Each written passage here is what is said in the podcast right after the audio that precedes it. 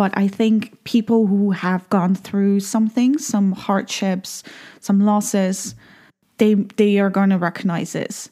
Life is too short to be a one trick pony.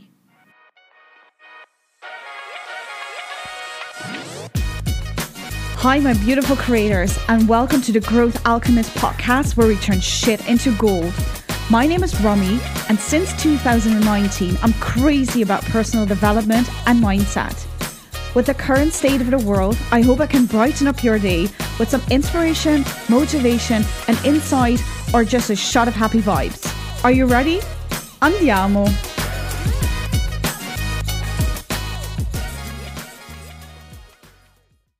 Ciao a tutti e bentornati al The Growth Alchemist podcast. So that was welcome back to the Growth Alchemist podcast in Italian because I've been listening to a lot of Italian clubhouse rooms.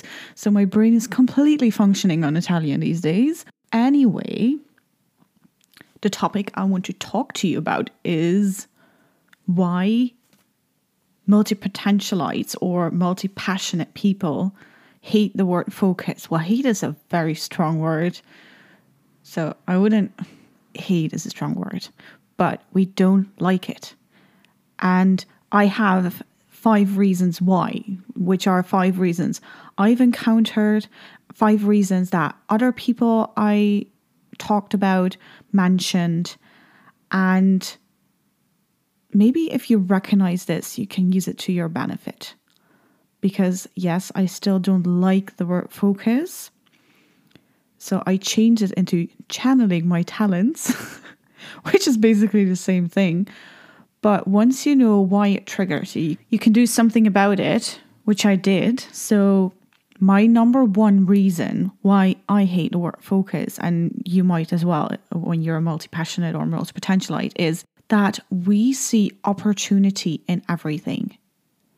And if we have to focus on one thing, it means we're missing out on a lot of things, which might sound a little bit like FOMO, which isn't, but we like to be very innovative and be on, you know, every new thing because it's exciting. It's it might propel your business forward, you know, if you constantly keep your eyes out to whatever might come your way instead of just focusing on one thing if they tell us to focus, that means we're missing out. And we don't want to be missing out because new things are fun. And that's one of our, let's say, greatest talents that we're not scared of new things. We actually thoroughly enjoy, you know, going through the new, like, um, for instance, Clubhouse now. Uh, for everyone who's in Clubhouse, hit me up. Uh, me too.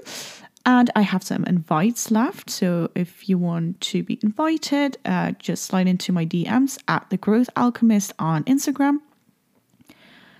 But it's so exciting to find out what's going on and what's new and what it might potentially mean for you or for your business or whatever project you're doing or clients you get to meet there. If we're talking about podcasts, you can meet clients. There is even more inspiration. You can talk with like-minded people, and especially in these days, it's awesome to to connect.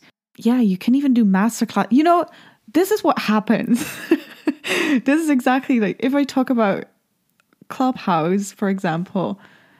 This is the opportunities we see, and if we're not if we're not allowed to explore, it means we're kind of wasting our potential. Which brings me to my number two, which is basically it feels like a waste of our talents, especially when you're multi passionate or a multi potentialite. You have talents in so many areas you want to explore. And if you're not allowed to do that because you need to focus, it it feels it feels shitty. Let me tell you that. And especially when, on the other hand, and I don't know if you recognize this, when on the, on the other hand, when you do something, you get compliments like, oh, you're doing such a great job, or oh, I didn't know you were good at this, or you are so good at this, or how come you know so much about this? Because we do shit. because we thoroughly enjoy exploring and doing stuff. And if you tell us not to do that, it feels like point number three, it feels like parts of us are denied. So it it it takes, you know, I'm taking it even one step further. It's not a waste of our talents, but sometimes, especially when there is a talent or a skill or a passion you are really into, and somebody tells you, oh, you should focus on this or this, which is not hmm, the thing you necessarily want to focus on. But if they tell you that, it sometimes feels like parts of ourself, of our identity are denied. And actually, which is funny because actually being a multi potentialite or a multi passionate means that we are good at a lot of things, that we are good at exploring, that we are good at starting something. And that could be an asset to any any company or any business or any whatever you're doing. So being a multi potentialite is basically a skill. So you're telling us our skill is not good enough. And that's why it sometimes feels a little bit more personal because we just we just feel like we're not good enough. We feel denied. We feel like we're lacking something, which is focus um, to others. And I've tried to explain this so many times to people that um, coaches and um, former bosses they try to get me to focus but they tried to get me to focus in their way, how they saw that focus look like. But focus looks so different to everybody. For example, there are people that can work three hours straight. I have friends, they if they're working on a project, they can work three hours straight without, you know, turning their heads away from their computers. And they get shit done. Then there's people who love the Pomodoro technique. So that I think it's 20 or 25 minutes of heart focus, then five minutes of a break. And then there is people that maybe work an hour, take an hour break, go on to their task, or maybe um, work on one task for one hour straight, and then the next hour do another task because it keeps their minds engaged. That's how I work a lot. I like to kind of interchange the task I, I have for that day because I know if I have to focus for three hours on one thing, it's gonna limit my brain basically. Actually, that's point four. it's it's so funny. It, this this this uh, episode comes so naturally, of course. Uh, but my point four is we get easily bored. And we like to keep our minds engaged, as I just said. And if you tell us we have to focus, we immediately kind of our brain switches off, for me at least. And I heard a lot of uh, multi potentialites saying the same because it means you have to limit yourself in some way, which you don't. I mean, you can transform that to, okay, I have to focus on one task. Let's say uh, for me, it's email marketing right now. But there are so many parts within email marketing you can explore. So it's also a bit of a mindset. But still, we like to work um, interdisciplinary. So we like to get ideas from different parts of the company or from different uh, industries to implement that for ourselves in our business in whatever uh, concept we're working on to see if that works for us too, which sometimes is hard if you have to focus.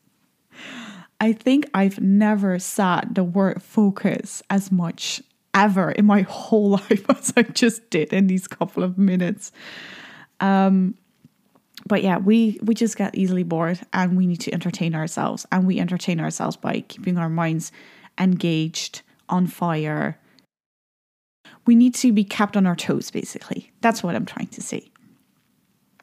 And then my number five, which is maybe a bit personal, but I think people who have gone through something, some hardships, some losses, they they are going to recognize this. Life is too short to be a one-trick pony. Life is too short to be a one-trick pony. What I mean with that is there is so much in life to be explored, to be seen. And I know we can't, what I said in the beginning, we can't do everything. Just like I said in the beginning, we can't do everything, but we can do a lot. As they say, people overestimate what they can do in six months, but they underestimate what they can do in five years or two years or even in a year. We want to use all of that. We don't want to.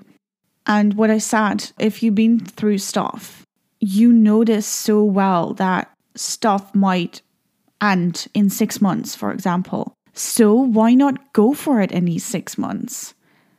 And then see what happens in these six months and I know that when these six months and you can plan another six months, but go for it.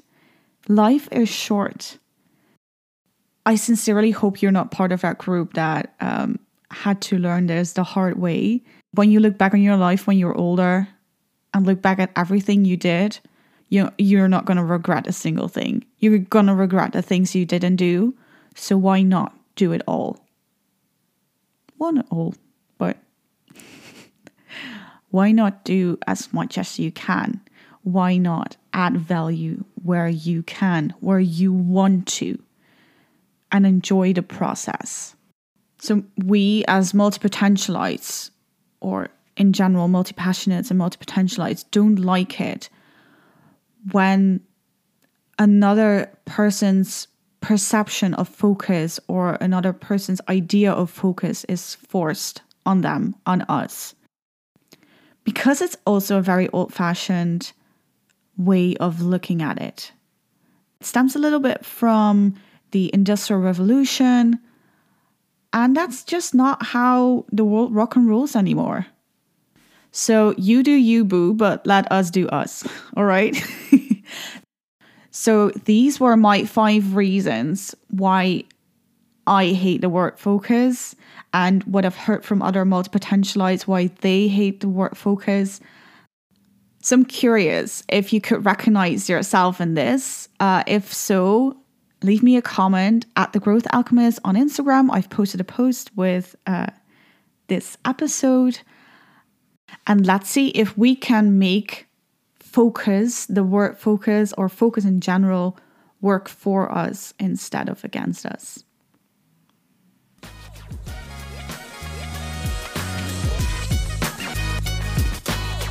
Hey loves, thanks for listening. I hope you enjoyed this episode, and if you did, don't forget to follow me on your favorite platform or on Instagram at The Growth Alchemist. Stay ambitious, follow that dream, and never, never give up. I'll see you next time. Ciao.